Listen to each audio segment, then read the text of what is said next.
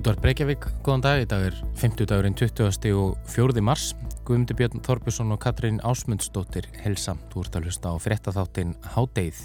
Í dag er mánuður frá því að Vladimir Putin, rúslandsfórseti, fyrirskipaði rúsneska hernum að ráðast inn í Úkrænu og stríð brast á með þeim hryllilegu afleðingum sem við fáum fregnir af dag hvert og ekkert lát verist á í bráð.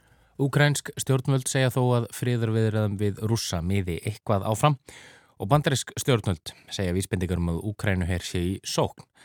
En á meðan berast fregnir því að einrásarherrin beiti aukinni hörku eftir því sem hernarað gerðir á jörðu niðri gangi hægar og verð en gert var ráðferir.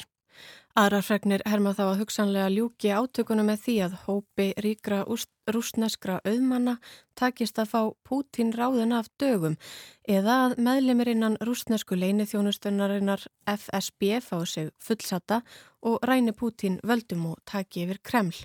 En að sögn ónemdra hátsettra aðila innan leinithjónustunnar aukast líkunar á því með hverri vikunni sem innrásin trekst á langin. Þó segja svo aðrar heimildir að stöðningur við Putin og einrjóðsina í Ukrænu sé mikill heimaferir og jafnvel víðar. Hann njóti stöðnings innan stjórnarinnar og meðal ólíkarkana ríku og það mun ekki breytast í bráð. Þetta er staðan á hernanum og átökunum en svo er það fólkið. Sanko tölum frá saminuð þjónum hafa tæplega þúsund almenni borgar að láti lífið í átökunum. Þar var rúmlega 40 börn og yfir 1600 sæst. Stofnunin segir þó líklegt að rauntöluðnar séu mun herri. Þá er hér ekki meðtalið til taldir allir herminitnir sem tapað hafa lífi í átökunum. En á meðan, halda, en á meðan halda rússar því fram að mannfallur þeirra rauðum sér tiltölu að látt, 500 manns, segja aðra stofnanir stjórnvöld og frettamælar að líklega sé allt frá 7.000 til 20.000 rúsnarskir hermin sem hafi látist í átökunum. Þá hafa um 10 miljónir úkrænumanna þurft að flýja heimili sín vegna átakana, samkvæmt tölum frá saminuð þjónum, 6,5 miljónir á vergangi í heimalandinu og rúmar 3,5 miljón manns hafa flúið land. Og á þessum tímamótum þá förum við yfir ástandið í Úkrænu, stöðuna á stríðinu og framtíðarhórfurnar með Jónu Ólafsinni, profesor við Háskóla Íslands í síðari hluta þáttarins. En erfitt hefur reynst að reyna að flokka sannar upplýsingar frá fölskum og réttar fréttir frá raungum frá því að innrásin hófst og öll upplýsinga óreiðan í kjölfarið á tímum þar sem hægt er að miðla í rauntíma.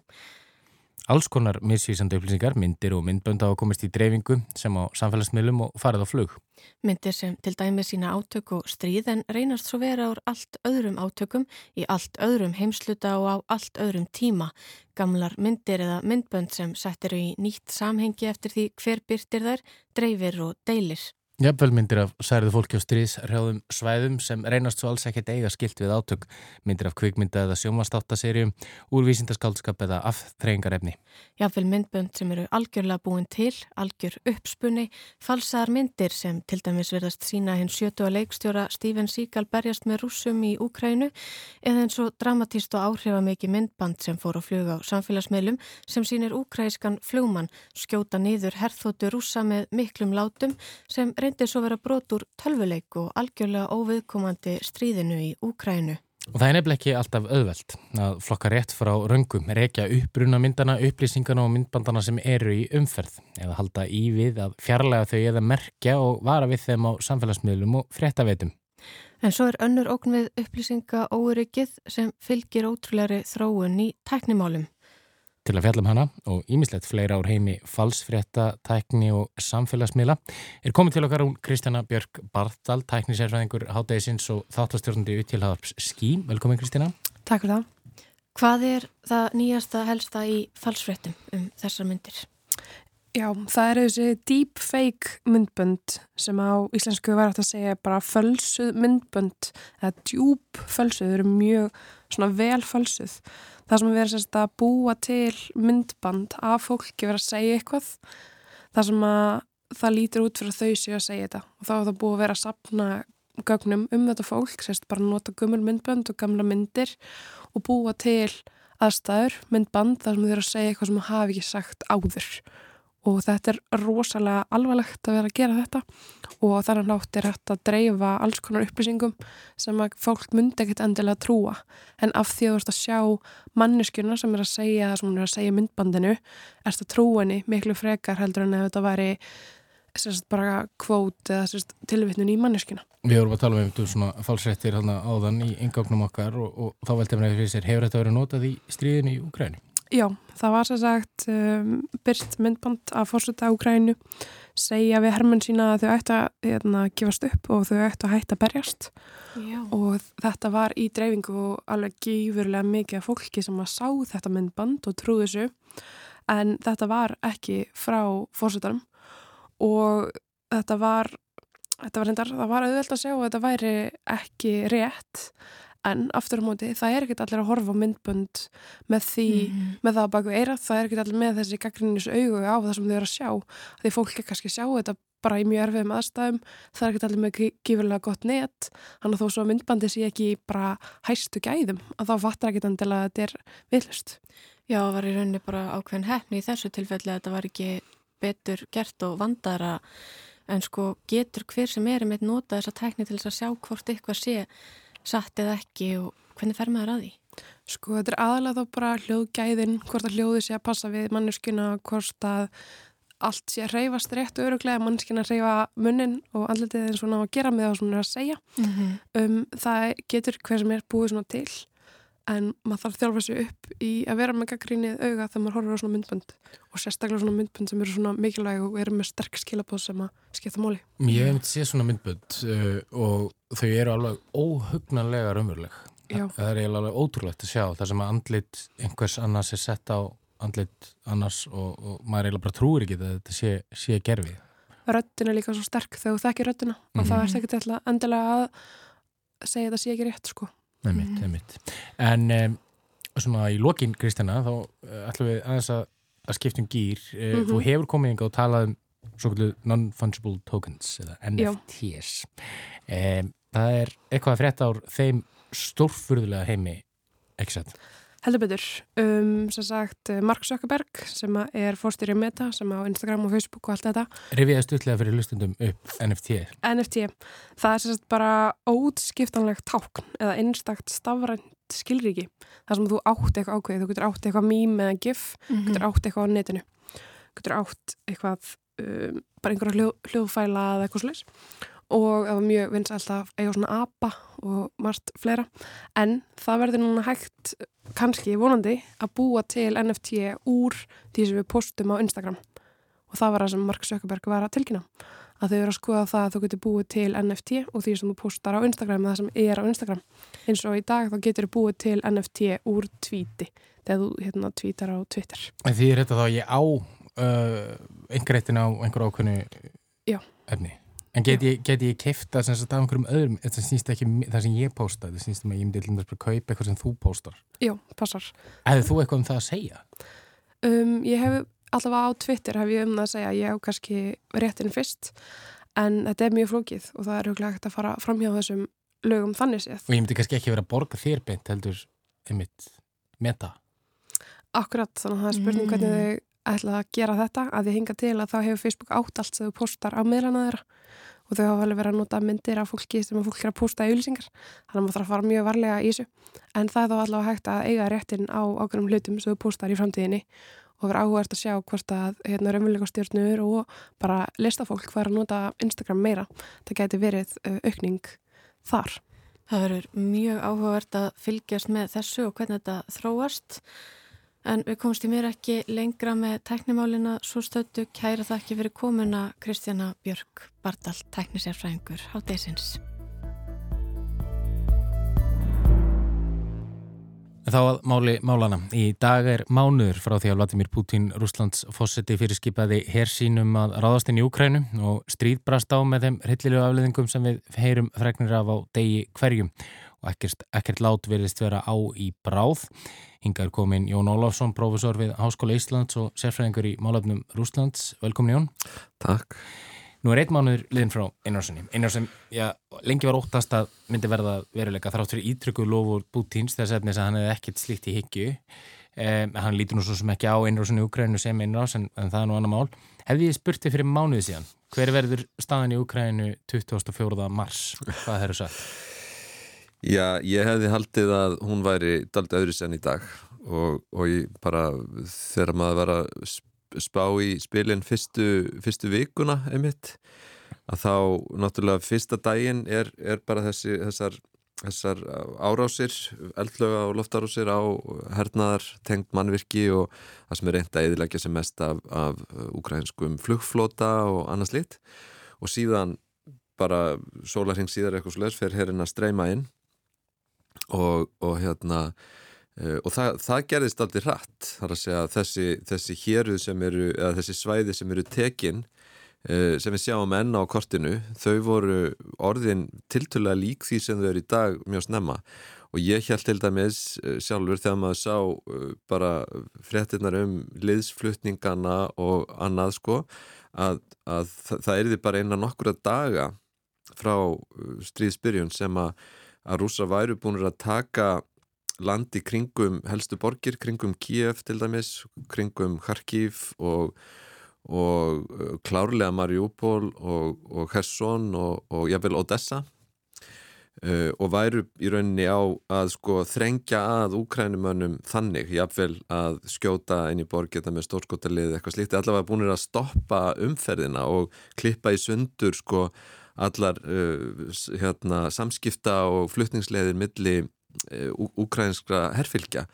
En, en þetta sem að var vafa löst, allavega held ég að, að það sé svona það sem að, að líka bara hefur verið hald, eh, sagt af sérfræðingum, hernaði sérfræðingum sko, sem að vantanlega var ætlunin, hefur bara ekki tekist. Og þannig að, að staða núna er að hérna, við, við erum rauninni búin að sjá sko hæja og hæja á stríðsrækstrinum Um, uh, samt sko áframhaldandi mannfall, við sjáum hennan hryllingi Marjúból þannig að, að, að bæði sko er bara eins og, eins og hérna markmiðin séu óljós og líka að getan sé miklu minni heldur en allir gerður aðfyrir í upphafi. Þannig að, að ég hefði alveg öruglega ekki spáð því að staðan veri svona í dag fyrir mánuði. Heldur að Putin hafi sko ofmyndið styrk einn hers eða vannmyndið þá uh, varnarleik úkrænumanna? Sko, varnir úkrænumanna eru klárlega vannmetnar uh, og það er eitt til dæmis sem að að rúsar hafa, uh, hefur verið talað um Rúslands megin, þar að segja að þeir hafa hælt sér af því að hafa í rauninni sko uh, slitið í sundur úkrænska herin, þar að hann sé ekki undir ein, einni yfirstjórn. En þetta var reyndar hlutur sem hafði verið talað um áður að væri sagt, galli á ukrænska hernum og mér skilst eitt af því sem að, að til dæmis uh, gaggrínis atrið af hálfu NATO, hvernig er það skipulaður uh, og, og rúsa segja við, hérna, við það stendur ekki steitni við stein í ukrænska hernum. En það sem við sjáum hins vegar er að hann veriðist fungera bara bísna vel án þessarar uh, sagt, þessarar yfirstjórnar sem að hefur yfir sín yfir allt þannig að við erum í rauninni nú þegar þar en að sjá úkrænumenn berjast í mörgum hlutum eins og maður myndi búast við að gerðist eh, undir sko miklu viðtakara hernámi. Þannig að það náttúrulega er, er styrkur sem að rúsar hafa augljósleiki séð fyrir, þeir hafa séð, séð veikleiki hefur einst vera styrkur en það er kannski líka til marksum það að, að úkrænumenn er að berjast í réttlátu stríði í hérna rússarnir eru að senda inn fólk sem er mis, sko, misáttað á stöðunni og hefur gerðnan eh, mikla ránkúmyndir um hvað sé vandum. Svo sjáum við bara líka að, að sko hvernig að búið að þessum hermönum er bara mjög lélegt þar að segja að þeir eru, þeir eru ekki bara Ídla áttaðir þeir eru líka vannbúnir að bara vistum. Það til dæmis í eitt af því sem, að, sem að var verið að sirkuleri gær var, var plagg sem að hafi verið lekiður einhverju e, bæjastjórn fyrir utan Moskvu þar sem að bæjastjórnir var að byggja fyrirtæki á svæðinu um að gefa vörur til að senda hermönum af þessu svæði til Úkrænu og það voru bara hlutir eins og, eins og hérna nærfött og, og tankrem og annað slíkt sko. og ég held að, að sko það er auðvitað endur speklar þetta einhverju eh, rúsnarskar hefðir í sambandi við eh, hérna hvernig herin er, er vistaður. En, en þarna er greinilega mjög slemt ástand. og, og núna erum við að heyra þessar sko rosalega hái tölur um mögulegt mannfall, að tala um 15.000 sem er náttúrulega sko gríðarlegt á, á mánuði í, í þessum skilningi. En ég held kannski að það, sko það er örglega ykt tala en hún gæti hins vegar endur speglað sko liðs, liðs, liðhlaup líka. Og það er eitt af því sem að, að sumir hafa talið sig sjá merkjum að væri mjög mikið að gerast, þar að segja að það veri bara töluvert um uh, að rúsneskir herrmenn bara skildu eftir sín uh, tæki og letu sig hverfa. En nú eru, nú eru talandi um liðhlaup og, og, og mannfall, þetta er náttúrulega, þetta er rosalega tölur, 15.000 manns að uh, ef, ef satt reynist og rússar náttúrulega tala þessa tölur niður og segja að sára fóður rúsneskir herrmenn hafi, hafi fallið. Eh, nú hafa borist fréttir að því að sko hátsettir aðilar eh, nánir Pútín séu líka farnar að gerast liðlöpar? Uh, já, sko uh, það eru ég, ég held að maður hafi alls ekki fulla mynda því sem er að gerast í Kremla þessu leiti það verður frettir að því gæra að, að, hérna, að Anatoly Tjubæs sem að, að hefur verið svona uh, þekkt nafn í, í rúsnarskri politík í meira en 30 ár. Hann hefði flúið og byrtist á hannum svona frekar vandraðarlega mynd að taka út úr hraðbanka í Istanbul maður veit nú reyndar ekki hvort það var nýmyndið ekki en allavega hún fylgdi þessari sögu. Og en sko Tjúbæs er reyndar ekki kannski mjög nálægt Putin Hann er, hann er maður sem að, að hefur verið valdamikill og haldið sínu, sinni stöðu mjög lengi. Hann er rauninni annar tveggja frá þessum tíma sem hafa alveg haldið sínu, sínum ferli uh, gegnum þygt og þund. Uh, en svo eru sögursagnar um ímislegt fleira og, og, hérna, og ég held að, að, að sko, maður geti alveg gert ráð fyrir því. Jafnvel þó að sé ekki sko, hverfa svona hæstsettu einstaklingarnir. Það var að vísu verið að tala um að, að varnamálar á þeirra hefði ekki sést mjög lengi ofinbellega en ég sé nú bara á fréttum frá því morgun að hann er mættur á fund mm, hjá Putin þannig hann er allavega að hafa hann haft efarsendir þá búið að berja þær úr húnum en, en sko uh, við erum ekki að sjá kannski svona alveg hátsettasta fólkið uh, hverfa, það er ekki alveg ferðið að gerast. Um En nú er rúsar, uh, rúsneski herin búin að leggja til dæmis Mariupol eh, nær algjörlega rúst og, og, og fleiri borgir eh, en, en skafin á þessum mánuði sem hefur liðið fyrir rússa og rústnest samfélag er líka gríðalegur. Já. Eh, það er náttúrulega ekki bara all, all þessi, allar þessar viðskiptaþinganir sem að Vesternaríki er að beita Rúsland heldur, svo er náttúrulega líka bara vantalega ungt fólk sem að sætti sig ekki við þetta og, og það sem er tundu kallað spekilegi, það, það vil ekki vera þarna. Já, já, það, og það er hérna, menna, ég, maður hefur svo sem engar, engar haldbærar sko tölur um þetta, en það er klárlega hundruð þúsunda uh, farinn og, og nánast allt þetta fólk er uh, ungt velmenta fólk sem að sér tækifæri annar staðar. Og það er kannski það sem er einmitt, það sérstaklega við þetta stríð enginn sér tækifæri í því. Ekki nokkur maður. Hvað sem við erum að tala um fólk innan Rúslands eða utan Rúslands og ég held líka, sko, það er annað sem að, að hérna, þegar við erum að heyra tölur um að það sé svo mikill stuðningur við stríðið innan Rúslands, ég held að við erum að taka þið með mjög miklum fyrirvara. Um, Eh, fólk hefur takmarkaðan aðgang að upplýsingum og þar að þau ekki mjög sterka tilnefingu til þess að tólka upplýsingarnar þannig að það, hérna, það, það sé sem sásauka minnst fyrir það sjálft. Þannig að ég held að, að í dag að þá sé það sko mjög svona viðtækt í samfélaginu að fólk gerir sig grein fyrir því að það er einhver erfiðari og stærri saga heldur en svo sem að, að fjölmiðlarnir eru að veita en, en reynir að, að íta þið frá sér og, og tröstið er ennþá stjórnvöld hljóta að finna leið út úr þessu en tíminn líður og það gerist ekki, þetta verður bara verra þannig að, að ég held að, að sko að það er eitt sem að sem að ég held að við ættum að horfa á næstu, næstu vikuna líka það, það, getur, hérna, það getur eitthvað farið að gerast innan Rúsland sem, a, sem að er nýtt sko. Einmitt, og, og, og breski miðlinn Guardian, eða blæði Guardian greitir nú frá því morgun að að líkunar á því að, að hátsettir aðlarinnan leinithjónustunar FSB væri, væri sko að fara að snúast gegn eða myndu fara að snúast gegn Putin og, og, og íhuga möguleg einhvers konar valdarón eða bara taka hann lífi mm. e, hefur þið hert slíka álróma og, og eru þeirra aukast eða vera háverðari? Já sko það er náttúrulega úgrænska hérna, propagandamaskinan er komin alveg á full, fullt fullandskrið og skiljanlega ég menna þar er verið að reyna að dreifa sögum um það sem er að gerast í Moskvu sem að uh, auka tortrygni meðalfóls í Moskvu. Og, og ég held að þegar, að, þegar að staðin er svona erfið að þá er ekkit ólíklegt að það sé hægt að gera allirna óskunda þar. Og ég hef nú vissa tilhengu til þess að taka sögum eins og þessari þó að það hefur reynda verið Guardian en ekki Sun eða Mirror sem byrsti hanna með svona ákveðnu fyrirvara. Og sko vissulega þá er vitað að, að Putin var mjög ósáttur við ákveðna aðila í FSB og, og sem að hafðu gefið honum uh, upplýsingar frá Ukrænu sem að núna kemur auðvitað ljós að voru kannski ekki alveg réttar. Mat sem að hefur ekki reynst rétt.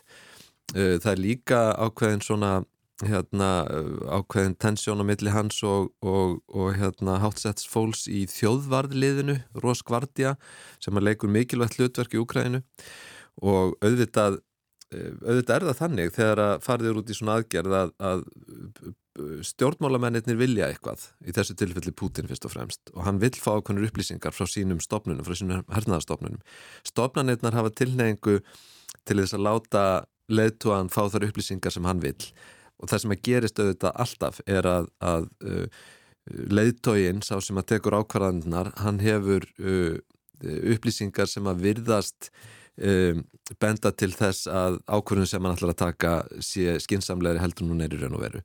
Þannig ég held að eitthvað svona er klárlega komið ljós sko uh, hvort að það uh, er einhver fótur fyrir því að það séu sé svona samsæri gangi getur maður auðvitað ekkert sagt um en ég, ég dregða í Eva og ég held að, að þessi elita sé of saman saumuð, of svona tengt til þess að það sé físilegt ennþá fyrir nokkur. Mm -hmm.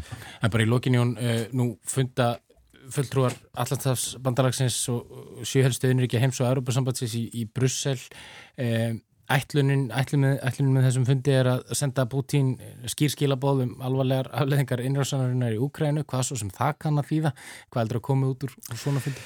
Sko, ég skal ekki segja um NATO-fundin en það er þetta komin ákveðin eh, staða upp eftir að rússar eh, lístu því að þeir vildu fá rúblur greitar fyrir olju og gas, þar að segja þeir eru að þröngva Európaríkjónum til þess að skipta yfir í rúblur áður en þeir greiða og þetta er uh, flókimál, þetta hefur hækkað gasverð, tölverð bara strax. En þetta er líka, þetta er líka hættulegt, uh, hætt, þetta er áhættu spil fyrir rúsana vegna þess að þeir þurfa pening, Evrópa þarf gasið en rúsarnir þurfa peningana. Og spurningin er kannski hvort þarf meira og hvoru að halda. E, ef uh, sko, þetta gæti dreist á langin með svona laga, flækjum og eitthvað svona samningsbróð saði Úlaf Sjólds til dæmis. En Þetta gæti líka orðið til þess að þjappa Európu þjóðanum ennþá meira saman í því að það nú þurfi bara að ganga lengra heldur en var gerst í upphafi og það þurfi bara sennilega að hætta að kaupa gas og olju af rúsum jáfnvel þó að það hafi gríðarlega erfiðar afleðingar. Einmitt, við komumst til mér ekki lengra í byli. Kæra það ekki verið komin í háttegið Jón Ólússon. Háttegið er á enda í dag, við verum hér áttur á sama tíma á morgun. Þátturinn er einni aðgengilegur í spilaranum og hlaðvarpsveitum og hættir að senda okkur post með ábendingum og netfangið háttegið hjá rúf.is. Verið sæl.